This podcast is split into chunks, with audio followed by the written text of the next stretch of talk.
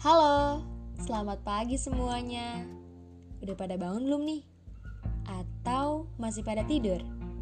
Atau mungkin baru bangun tidur selepas sholat subuh tadi? iya, tahu kok. Emang suasana sekarang ini bikin badan tuh jatuh cinta sama kasur. Ya, magnet kasurnya pun ini kuat banget dan bawaannya tuh kepengen rebahan terus. Iya gak sih? Apalagi bulan puasa kayak gini. Selepas sholat subuh, pasti aja ada telepati antara kasur sama badan kita. Seakan kita tuh kayak diajak rebahan, terus narik selimut, terus tidur. Tahu-tahu itu matahari udah di atas kepala kita. iya, tiba-tiba udah siang. Terus azan zuhur berkumandang. Kalian pernah gak sih ngalamin kayak gitu? Pasti pernah lah ya. Siapa aja nih yang kegiatan bulan puasanya kayak gitu terus? Padahal selepas sholat subuh itu gak baik buat tidur, gak bagus. Ya entah itu gak bagus menurut agama atau menurut pakar kesehatan. So, mulai sekarang kita niatin buat ngehindar tidur selepas sholat subuh. Oke? Okay? Kenapa? Karena waktu di mana selepas sholat subuh ini sampai dengan terbitnya matahari itu adalah waktu terbaik buat meraih kebaikan. Wow, siapa sih yang gak mau? Jadi, mulai sekarang kita ubah kegiatan sehabis sholat subuhnya ya. Misalnya kayak tadarusan, bebenah rumah, atau hal lainnya. Jadi ceramah deh. Padahal saya sendiri pun masih suka hilaf. Gak apa-apa, sekedar sharing aja, sekaligus pengingat diri saya sendiri. Ya udah, kita kembali ke pembahasan ya. Ngomong-ngomong soal pembahasan. Kali ini enaknya ngebahas apa ya? Cerita pertama. Hmm, boleh juga sih. Tapi cerita apa? Oh iya, kita cerita ketika masa putih abu-abu. Gimana? Menurut saya sih, pada masa itu banyak banget kisah yang terjadi. Dan saya rasa ini pas banget buat di-sharing ke kalian semua. ya udah, kita mulai ketika saya masih SMK ya. Sebelum SMK, ya udah lupain aja. Cukup saya dan Tuhan yang tahu cerita itu. Oke, kita mulai ya. Alasan paling kuat kenapa saya hobi nulis diary karena saya tuh nggak suka cerita sama orang lain. Suka sih, tapi ya jarang. Dan saya juga nggak mudah untuk mengatakan sesuatu. Ini berlaku dalam hal apa pun ya. Kayak nggak berani nolak atau bilang enggak sama orang lain cuma demi jaga perasaannya. Terus nggak berani nyampein pendapat sendiri karena takut pemikiran saya tuh nggak diterima oleh orang lain atau bahkan nggak bisa dihargai. Dan yang paling susah ini yang ini nih nggak berani bilang perkara rasa sendiri. susah banget. Jadi setiap saya tuh suka sama orang, saya sayang sama orang, bahkan saya cinta sama orang itu, saya tuh memilih untuk diam. Diam seribu bahasa. Sampai orang itu punya pacar, terus putus, terus deket sama orang lain, terus pacaran lagi. Ya gitu aja siklusnya. Dan saya tuh cuma bisa diem. Gak bisa berkutik, gak bisa ngapa-ngapain. Ya emang susah sih. Tapi gak tahu kenapa itu seru aja.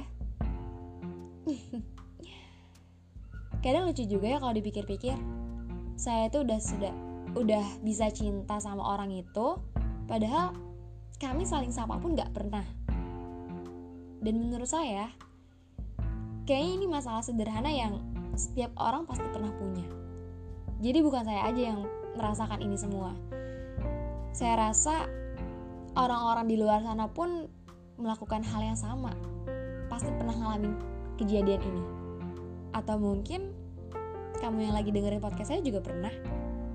Iya bukan? Dan paling nyebelinnya lagi, kalau momen ini udah tepat.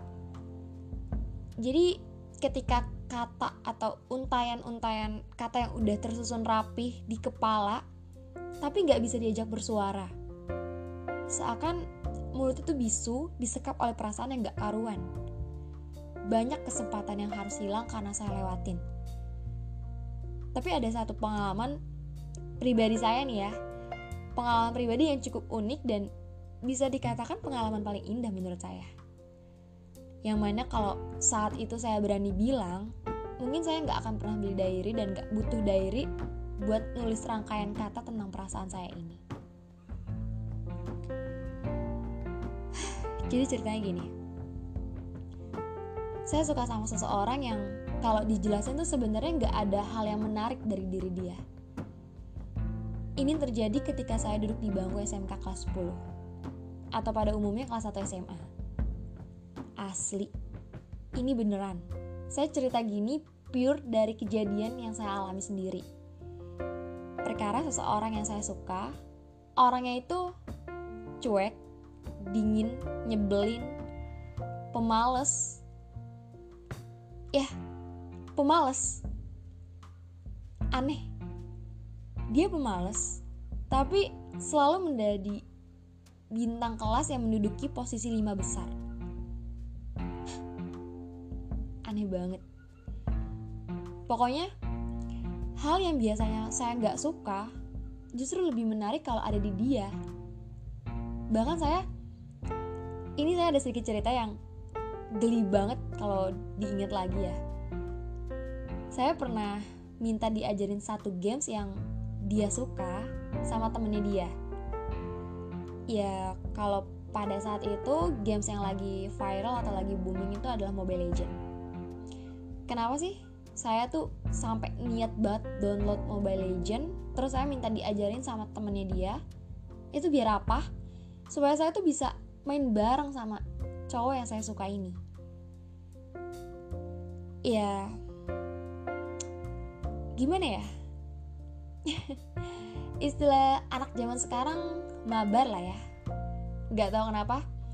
Saya dapat masukan dari temennya ini gimana caranya biar bisa deket sama cowok yang saya suka itu dengan cara ngelakuin hal yang menurut uh, dia tuh disukai sama cowok yang saya suka ini. Ya salah satunya adalah ini. Main Mobile Legend dan saya juga pernah uh, jadi saya mencoba memberanikan diri menjabat sebagai wakil ketua kelas itu sengaja banget ketika dia menjabat sebagai ketua kelasnya. Itu ya hitung-hitung sebagai pendekatan juga supaya apa yang dia lakuin itu bisa bareng sama saya. Tapi ternyata saya salah. Justru apa yang harusnya dilakuin sama ketua kelas dan didampingin oleh wakil ketua kelas gak, gak sesuai sama ekspektasi saya. Realitanya, semua pekerjaan ketua kelas itu malah saya ngerjain. Mulai dari manggil guru, minta tugas di meja piket, atau yang lainnya. saya harus kerja full. Iya, malah seakan kayak saya ketua kelasnya. Geli banget gak sih kalian denger saya cerita kayak gini? Karena ya pada saat itu pun ketika saya menyadari rasa aneh ini, saya juga geli sama diri saya sendiri kayak hati tuh ngomong kok ya bisa ya saya suka sama orang kayak gitu dan teman sebangku saya ini dia juga heran dan dia bilang apa sih bagusnya dia? Kayaknya nggak ada orang lain aja gitu. Kenapa harus dia? Oke okay, no comment. Saya nggak bisa komentar apa pun kalau teman sebangku saya udah bilang kayak gitu. Saya cuma bisa ngedumel dalam hati. Ah kamu gak akan paham.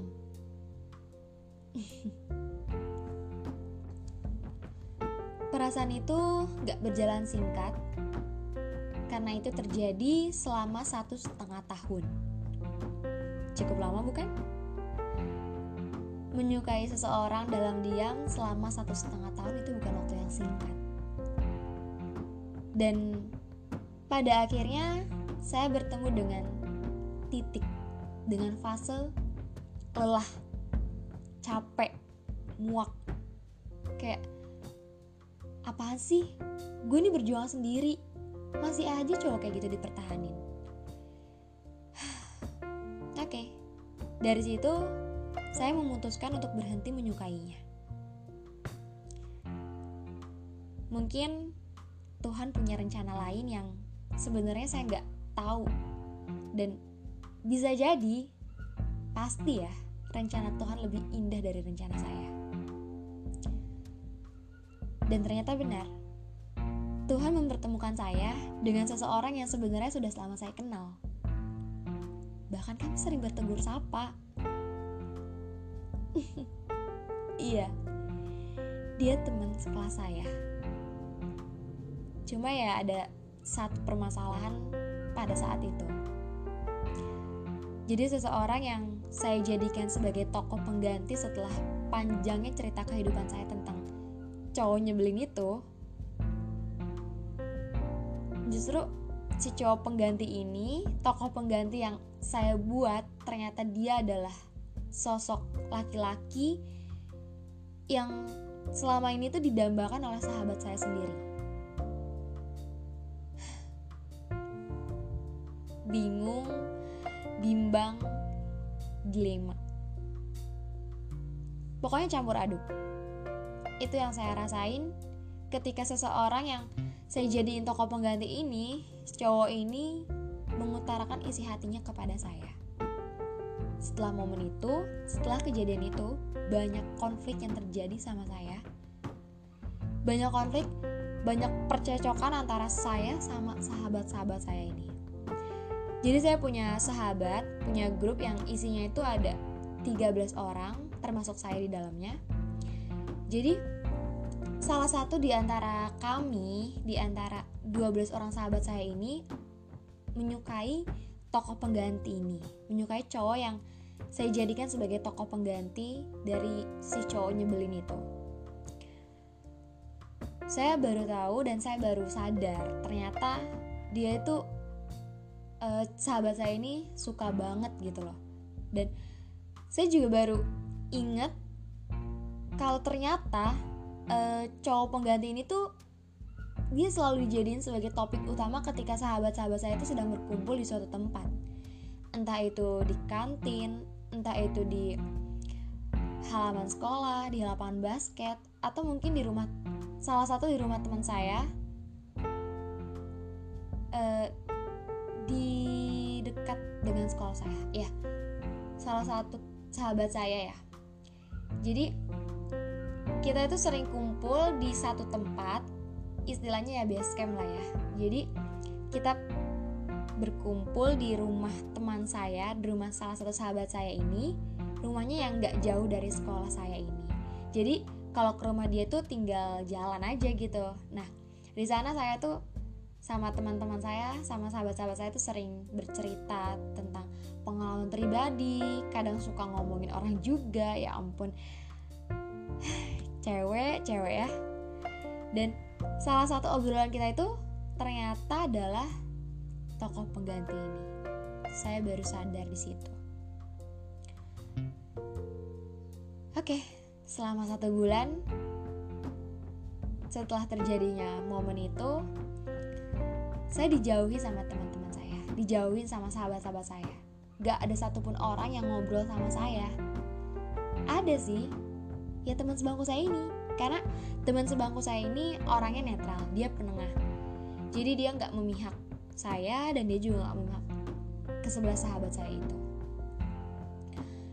Ya udah saya tuh selama satu bulan itu masuk kelas bagaikan masuk penjara. Bener-bener gak ada yang ngajak saya ngobrol gak ada yang senyum sama saya gak ada yang nyapa saya banget sih. Awalnya saya nggak tahu ini mau berjalan sampai kapan mau kap mau sampai kapan sih kayak gini terus gitu loh. Kita ngebangun persahabatan selama 2 tahun terus tiba-tiba persahabatan kita hancur hanya gara-gara satu orang cowok. Wow.